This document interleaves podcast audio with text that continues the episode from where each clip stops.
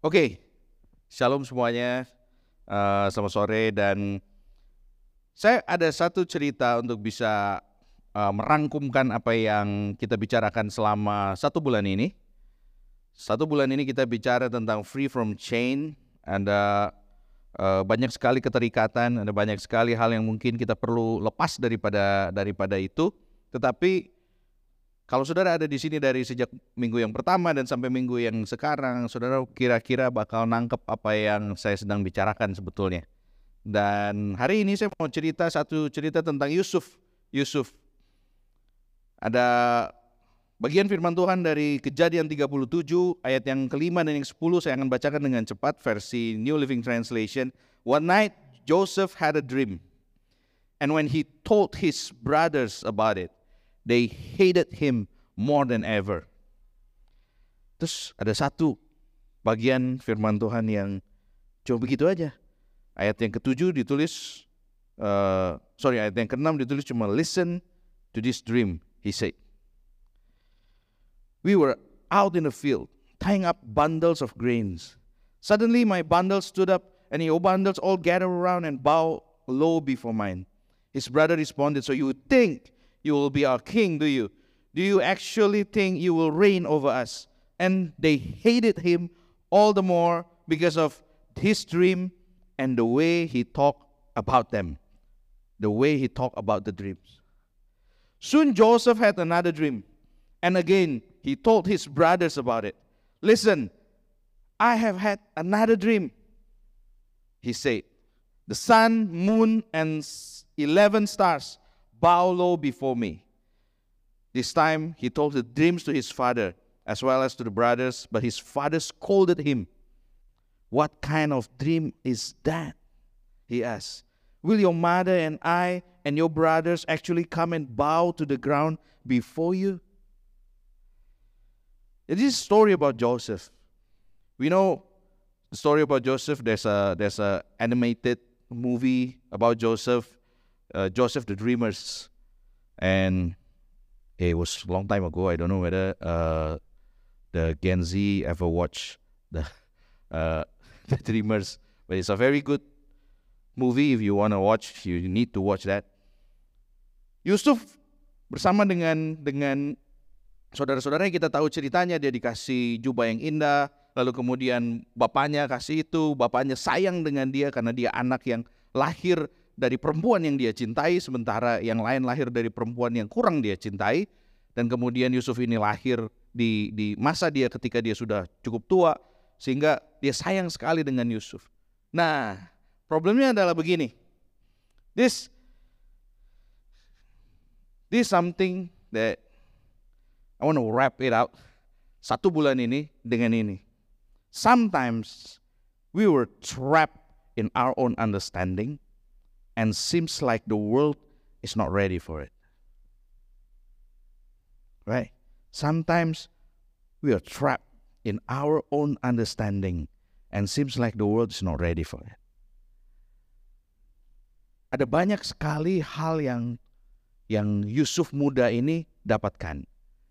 Ini orang yang masih sangat muda. Dia dapetin mimpi, lalu kemudian dia cerita sama semua orang, cerita sama semua orang.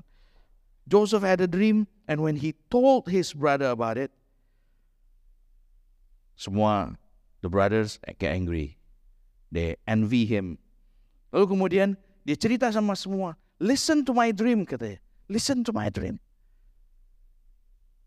Ada banyak sekali dalam setiap kesempatan kehidupan kita, Tuhan mau bicara, mungkin belum waktunya kamu ngomong. Sebab mungkin ada orang yang salah dengar, dan mungkin kamu salah dengar. Mungkin orang juga nggak siap kamu cerita itu. Dan mungkin, mungkin, mungkin bukan buat kamu, mungkin bukan buat orang juga. Lalu kemudian dia dapat mimpi lagi, dia dapat mimpi lagi. Ini adalah caranya Tuhan bicara dengan seorang anak muda namanya Yusuf. Jadi dia belajar caranya berkomunikasi dengan Tuhan lewat mimpi. Dan liatin, sepanjang cerita Yusuf, setiap kali dia dapat mimpi, is the bundles of grains. Tying up a bundle of grains. Nggak tahu kenapa, tapi dia selalu dapat begitu. Ada bundles of grain. Lalu nanti waktu pas dia di Mesir, dia dapat the bundles of grain.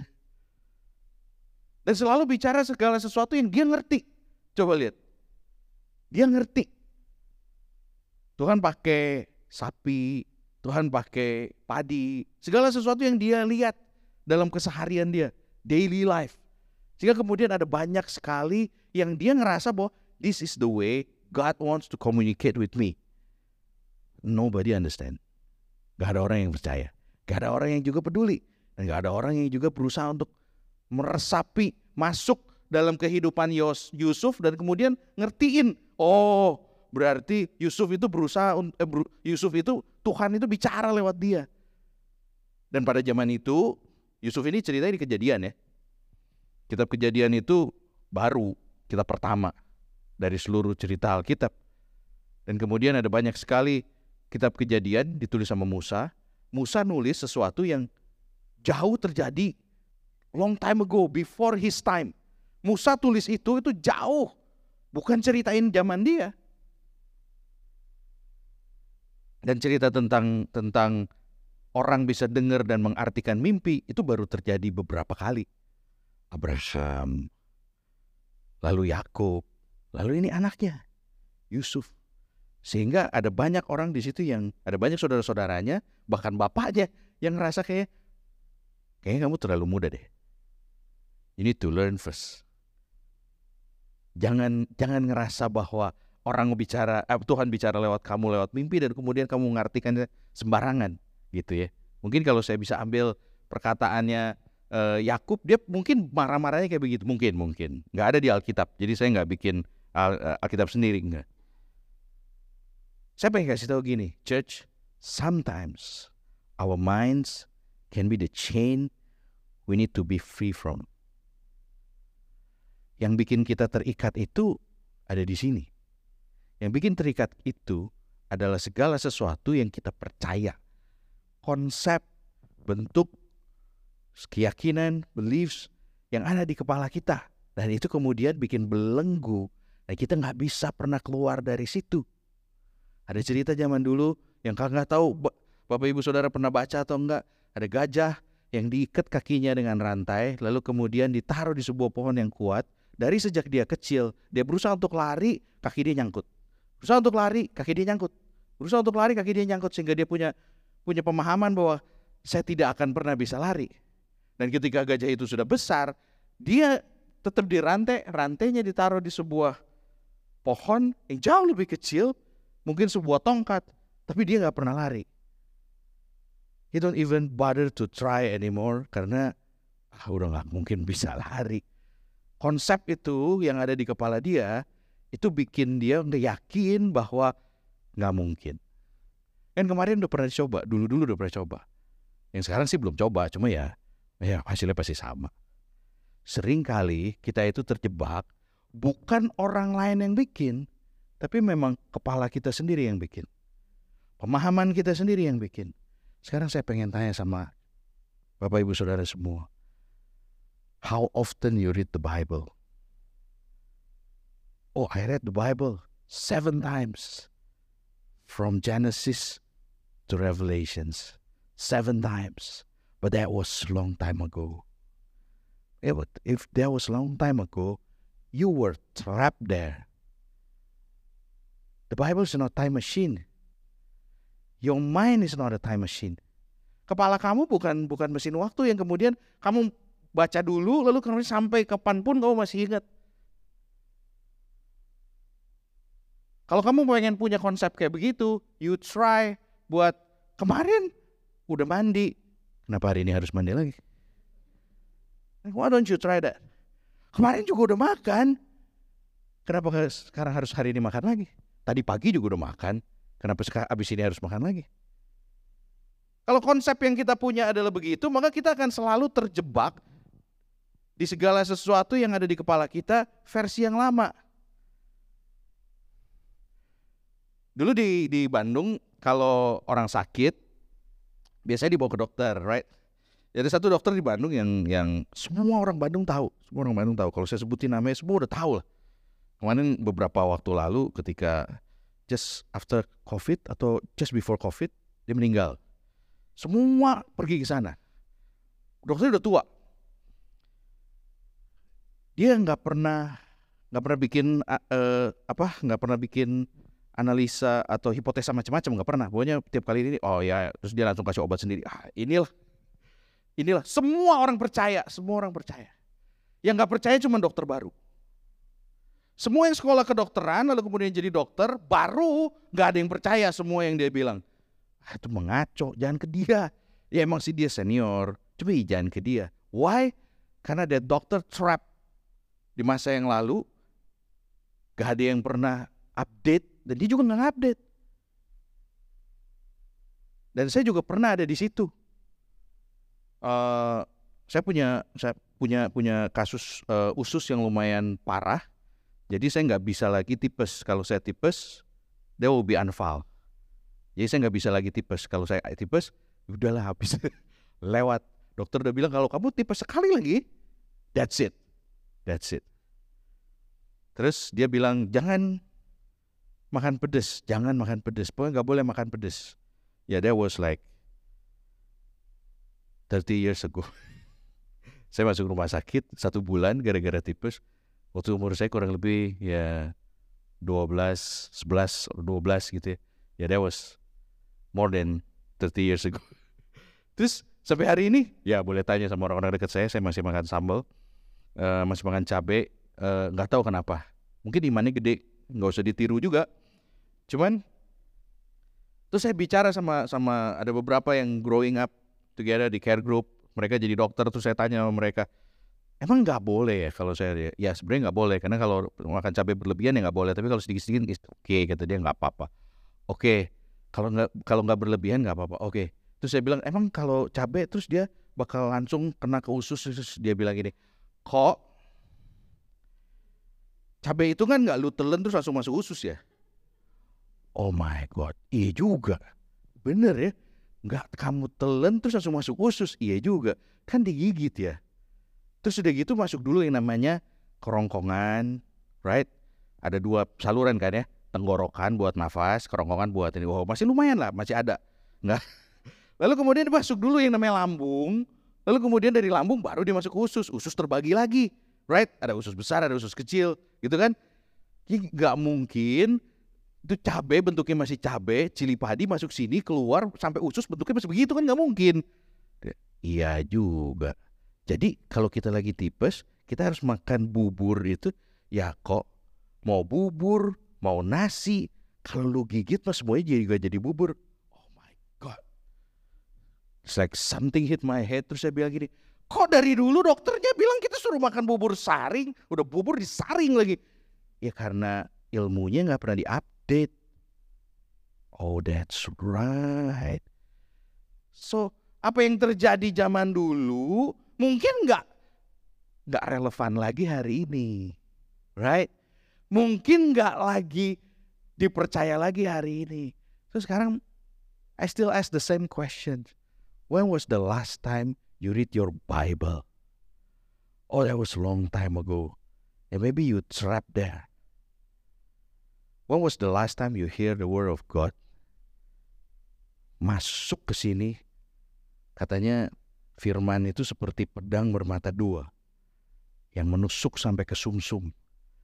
Kalau kamu pernah dengar sesuatu dari Tuhan, menusuk sampai ke sumsum, -sum, moves you in every way possible.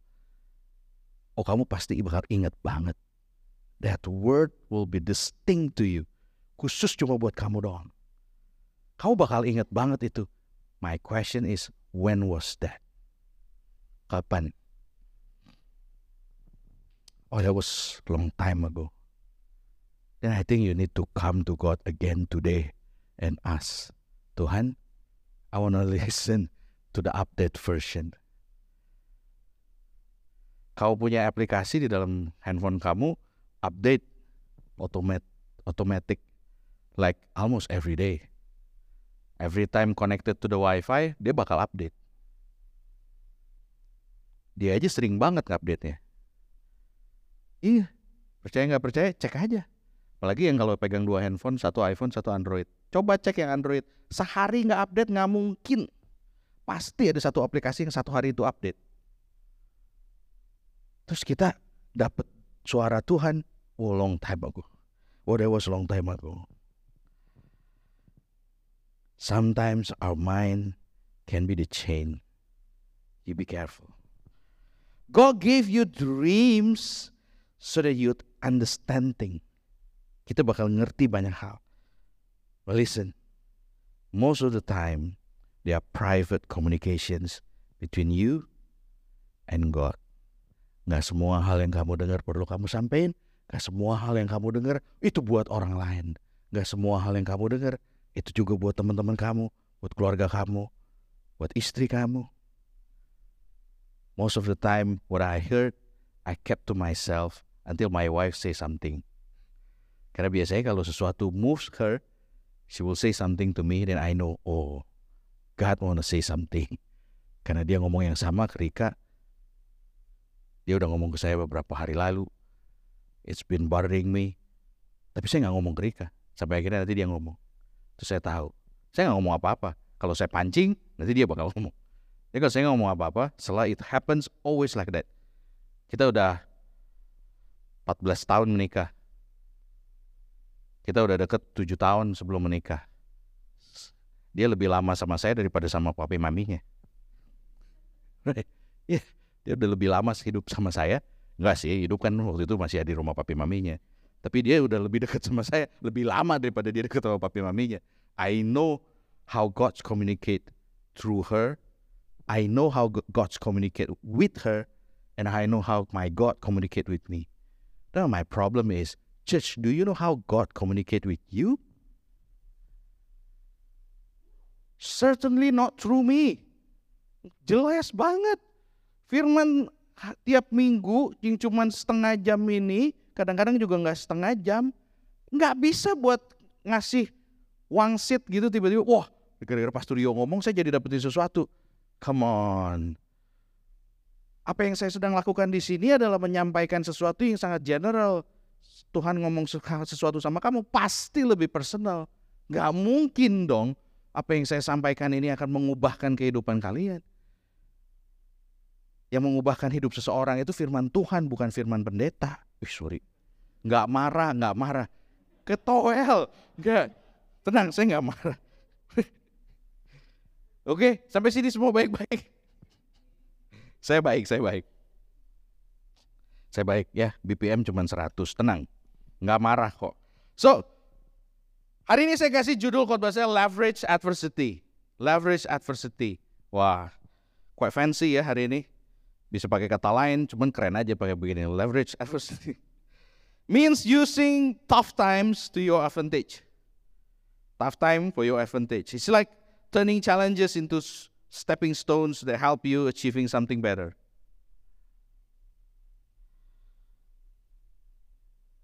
Kejadian 41 ayat yang ke-16 bilang begini.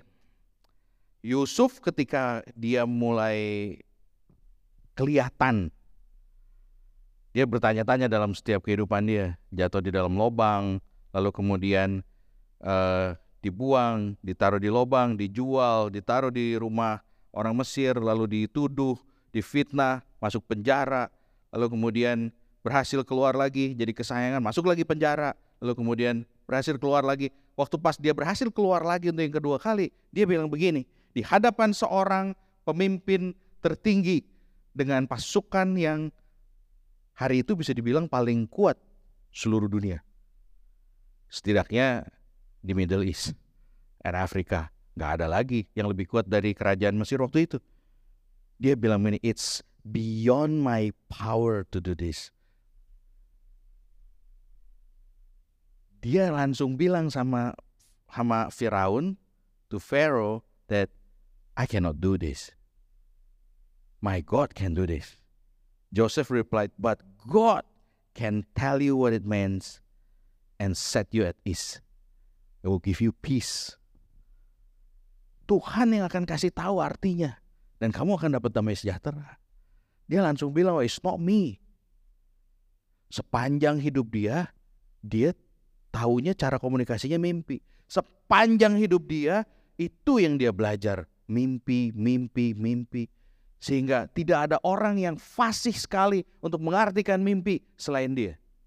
Tapi waktu Yusuf di depan Firaun, dia bilang begini, I cannot do that. Why?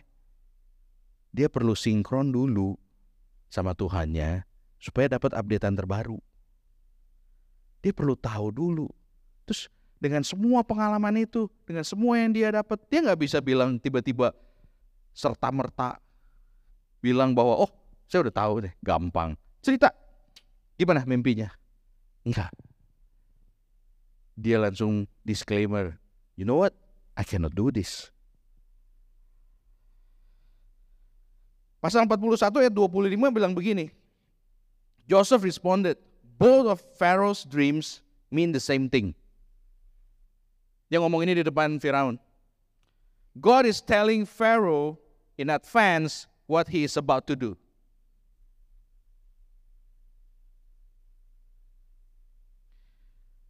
Kalau kamu interpreting your dreams so often, if you interpreting your prayer so often, let me rephrase this. If you are interpreting the word of God so often, waktu ada orang ngomong, siapa pun ngomong, noises, suddenly you know, ini benar, ini enggak. Yang ini sesuai, yang ini enggak. Tapi even so, Yusuf dia masih bilang begini, saya perlu tanya dulu. Karena dia yang bisa, bukan saya.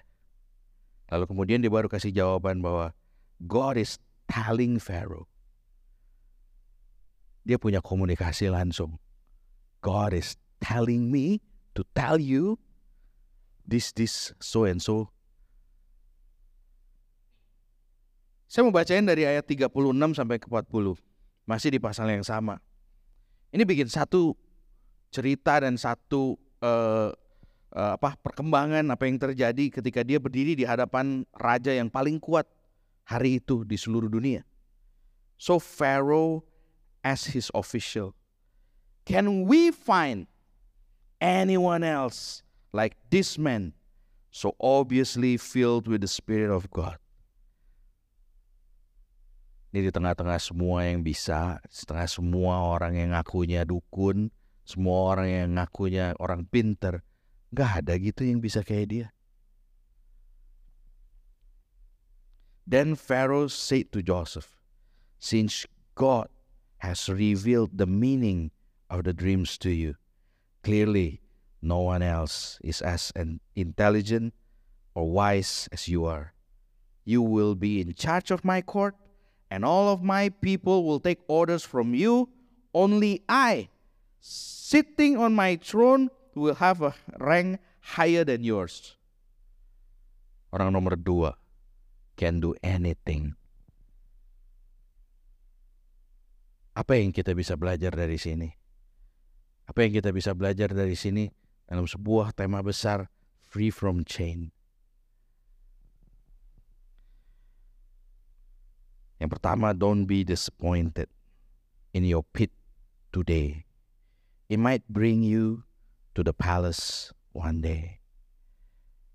Kalau kamu ngerasa ini adalah your bottom point This is I never been this messy. Kalau kamu ngerasa ini adalah the lowest point, the weakest point, saya pengen kasih tahu church. Don't hate your pit. It's not a pit. Sometimes it's a training ground. Dan kalau kita berdoa sama Tuhan, Tuhan saya berdoa, saya minta ini, Tuhan saya minta ini, Tuhan saya minta ini. Minta ini, minta ini, minta ini, minta ini. Gak jadi, gak jadi, gak jadi, Tuhan gak jawab. Gak ada orang yang support, ada orang yang kayak kayaknya ngomong sesuatu. Terus kita ngeke gitu ya. Minggu lalu saya kasih tahu bahwa bedanya ngotot sama oon tuh tipis. Jadi tuh terus berdoa, berdoa, berdoa sebab pray can move mountain. No, Faith can move mountains, not prayer. Aduh, makanya baca Alkitab. Faith can move mountains. So if you pray, but you are wrongly pray, itu juga nggak ada gunanya. Sebab Alkitab kita juga nulis kalau kamu berdoa dan kamu salah berdoa, ya kamu juga Tuhan juga nggak bisa bikin apa-apa. Apa aja salah berdoa, ya nanti saya jadi panjang cerita begitu. Nantilah kalian baca sendiri. Right? Tapi kalau kita terus-terus nabrak tembok, nabrak tembok, nabrak tembok, nabrak tembok, hey, maybe you need to update. Mungkin server kamu udah usang, Don't be disappointed with your pit today. Dan terus nanya sama Tuhan, why, why am I here? Why am I here? Why? God, I want to embrace. Thank you for being here. I want to try my best. That's attitude. That's character. Tahun ini kita ngomongin karakter.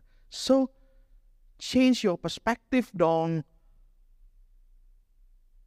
Kamu boleh ngotot tapi jangan on.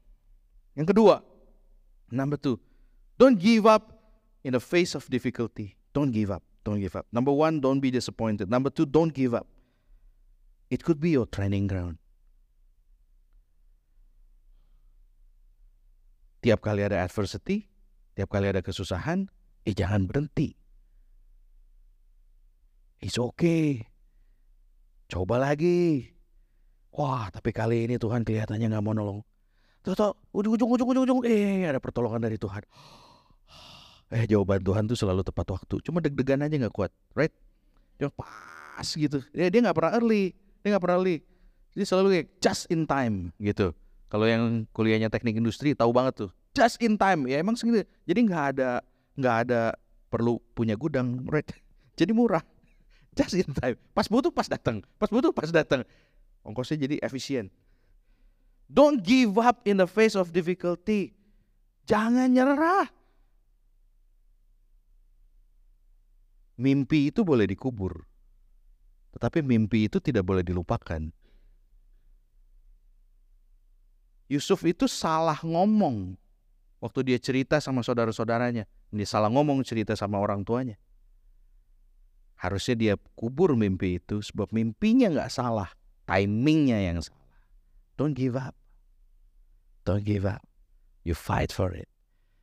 But in the meantime, you embrace the situation embrace segala sesuatu yang terjadi sekarang. Jangan hidup di zaman yang belum ada. Hidup di hari ini. Number three, God is the source of leverage. Saya kasih judul. Sorry, saya kasih judul leverage. God is the source of leverage. Kalau kamu butuh yang namanya promosi, itu datang dari Tuhan.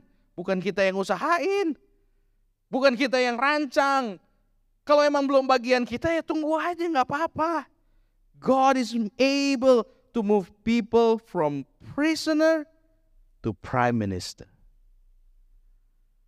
Jangan takut kalau emang bukan giliran kita, ya berarti emang belum. Kalau emang belum waktunya promosi, ya memang mungkin bukan belum.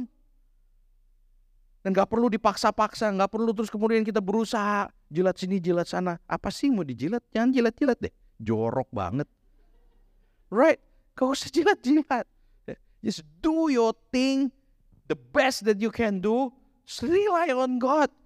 Karena leverage come from God. Tapi masalahnya, sering kali leverage come from adversity. Terus kita lupa that adversity. Terus kita kita bingung waktu pas Tuhan kasih banyak cobaan, terus kita ngerasa kayak kenapa begini? Kalau lu mau promosi, Lu emang harus lewatin itu dulu semua. Gak ada orang ada di atas itu empuk. Kalau mau ada di atas harus cukup kuat untuk bisa pegang segala sesuatu. Dan gak ada orang kuat lahir dari zaman yang empuk. Semua orang kuat lahir dari zaman yang susah. Dan kemudian from all that adversity, you strive, then you win, then leverage will happen. Tapi kan kita sering kali ngomel-ngomel doang. Kapan Tuhan, kapan Tuhan, kapan Tuhan. Kok orang lain melulu? Ya kalau kamu fokus sama orang lain, ya hidup kamu gak bakalan pernah ada leverage ya. Gak bakalan pernah ada naiknya. Gak bakalan pernah ada. Karena you focus on other people's life. Kejadian 45 ayat yang ke-8 bilang begini. So it was God who sent me here, not you.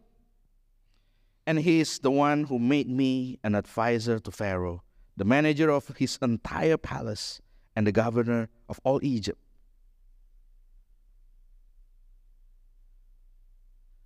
Church, kalau ada banyak susahan, kalau ada banyak problem, itu bukan gara-gara orang.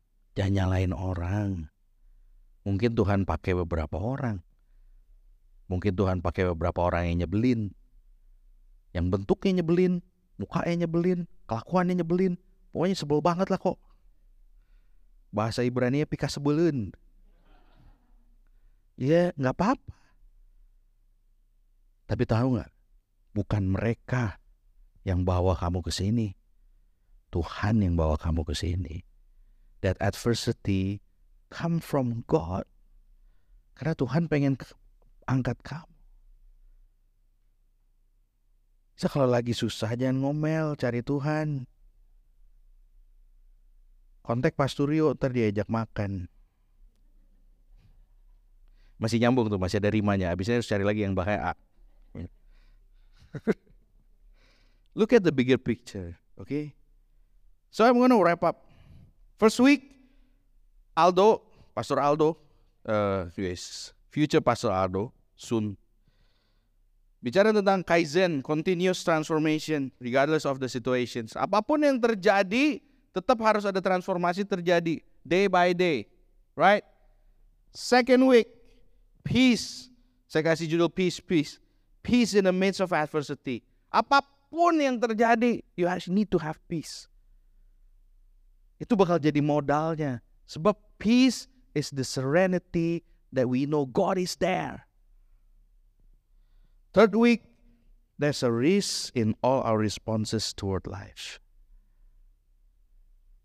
Ada resikonya. Punya iman tuh beresiko lagi. Berdoa tuh beresiko. Sama kayak semua pilihan-pilihan kehidupan kita. Semuanya ada resikonya. Oh saya pengen ambil sesuatu yang gak ada resiko kok. Saya juga bingung mau doainnya gimana. Gak ada, semuanya ada resikonya. High risk, high return. Makin gede resikonya, makin kenceng dong teriak Tuhannya. Tapi biasanya rewardnya bakal lebih gede. Risk is okay lagi. Asal kita punya yang namanya risk management. Apa sih risk management? It's in the word of God. Baca. Kalau kamu baca, kamu tahu sejauh apa kamu bisa meresikokan kehidupan kamu di tangannya Tuhan. Tapi jangan pernah meresikokan diri kamu di tangan kepala kamu sendiri. Yang sering kali nggak pernah diupdate. Dia punya version masih sekian tahun yang lalu. Terakhir berdoa sih, ya waktu saya SMA kok. Waduh, ampun deh masih SMA waktu saya terakhir SMA kok saya berdoa terakhir tahan itu oh ya udah kau berdoa dulu baru cari saya ya soalnya bingung saya bingung mau bantu ini bingung if you if you never pray you never read the Bible then what you want me to help I cannot help you the God Almighty cannot help you then how should I help you but if you read the Bible you pray and something goes wrong you come to me Mungkin saya bisa kasih kamu sesuatu. Mungkin saya bisa benerin sesuatu. Itu butuhnya fine tune. Ya, kalau bahasa Sundanya diketrok seetik beres. Gitu. Tapi maaf ya, maaf. Ini gara-gara banyak orang Bandung sih jadi banyak. Tapi kalau kamu nggak pernah berusaha untuk nolong diri kamu sendiri, gak akan ada orang yang bisa nolong kamu. Think about Joseph. Nobody help him. Sekian tahun dalam kehidupan dia, dia sendirian. Dia baru ketemu lagi sama saudara-saudaranya ketika dia udah jadi prime minister di Mesir. He's alone. Kok dia bisa? He's alone but he's with God. Dia update terus-terusan. Don't trap di pikiran. Jangan terjebak di kepala saudara sendiri Jangan terjebak di pikiran-pikiran saudara sendiri. Jangan terjebak di konsep-konsep yang saudara dengar over YouTube, over podcast that pastors didn't know you. I didn't know you. I cannot help. Apalagi mereka yang kamu cuma dengar di podcast. Terus mereka ngomong segala sesuatu yang, yang tiba-tiba kamu ngerasa bahwa wow, that's my life. He didn't know you. Your God knows you. Find God. Gak usah cari siapa, cari siapa. Oh pendeta ini dia punya kuasa ini, punya kuasa ini. Kuasanya datang dari dia lagi. Cari dia. Ngapain dengerin orang? Itu kalau masih cari pendeta, cari podcast, cari YouTube. Nggak tahu deh kalau udah cari-cari yang lain. You are trapped in your own mind. Trapped in your own understanding. You read the Bible. After Genesis, there's sudah kejadian, ada keluaran, imamat bilangan ulangan. Setelah dari ulangan ada Yosua. Dari sejak setelah kejadian, terus sampai raja-raja, isinya adalah sebuah kalimat yang begini. Dan bangsa itu melakukan segala sesuatu yang mereka pandang baik. Tapi tidak baik. Ya kamu lakuinlah segala sesuatu yang menurut kepalamu baik. You trap in your own understanding. Don't do that. Joseph never there. Dia cuma salah timing. Salah timing masih bisa dibenerin. Salah timing masih gak kenapa-napa. Tapi kalau kamu salah konsep, salah teologi, salah percaya, salah iman, salah berdoa,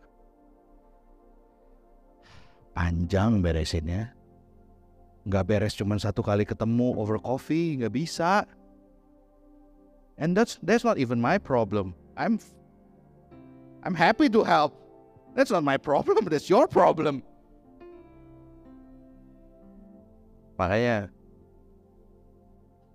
free from that chain that make you doubt God. Trusting Him should be the first and the only response.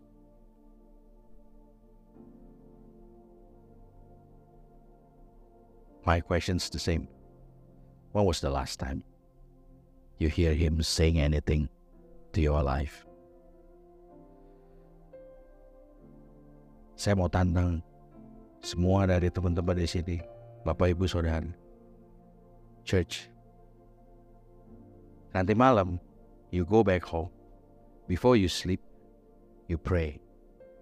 God, say something to me. Personal thing. So I know what I need to do in my life. Don't live in other people's dream. Live in your dream. Because God have a dream for you. Distinct, unique, just for you. Saya nggak bisa cerita apa yang Tuhan sampaikan ke saya. Nggak relevan sama sekali buat kehidupan Bapak Ibu Saudara. Tapi Tuhan punya sesuatu yang relevan banget buat kehidupan Bapak Ibu. Amin. Yuk kita berdoa yuk. Mari kita sama-sama berdiri, semua bisa tutup mata. Tuhan terima kasih. Hamba berdoa untuk semua jemaat Tuhan di tempat ini tidak ada satupun yang terjebak dalam pemikiran-pemikiran mereka sendiri. Hamba berdoa biar pencerahan demi pencerahan dari Roh Kudus terus terjadi Pewahyuan demi pewahyuan terus terjadi. Supaya Tuhan betul-betul bisa bicara lewat firman, lewat doa, mungkin lewat mimpi. Semoga katanya di akhir zaman teruna-teruna akan mendapatkan mimpi. Orang-orang tua akan mendapatkan mimpi. Dan hawa berdoa untuk semua orang yang ada di tempat ini hari ini. You will see visions, you will dream dreams.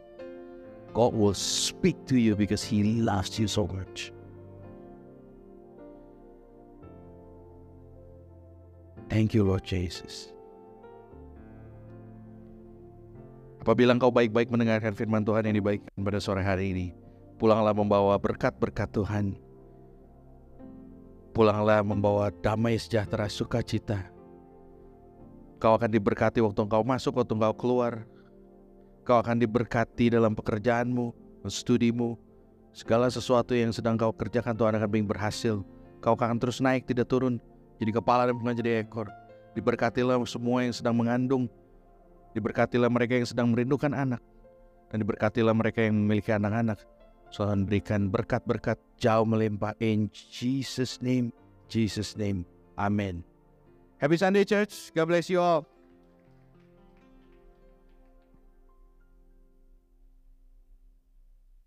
Mm-hmm.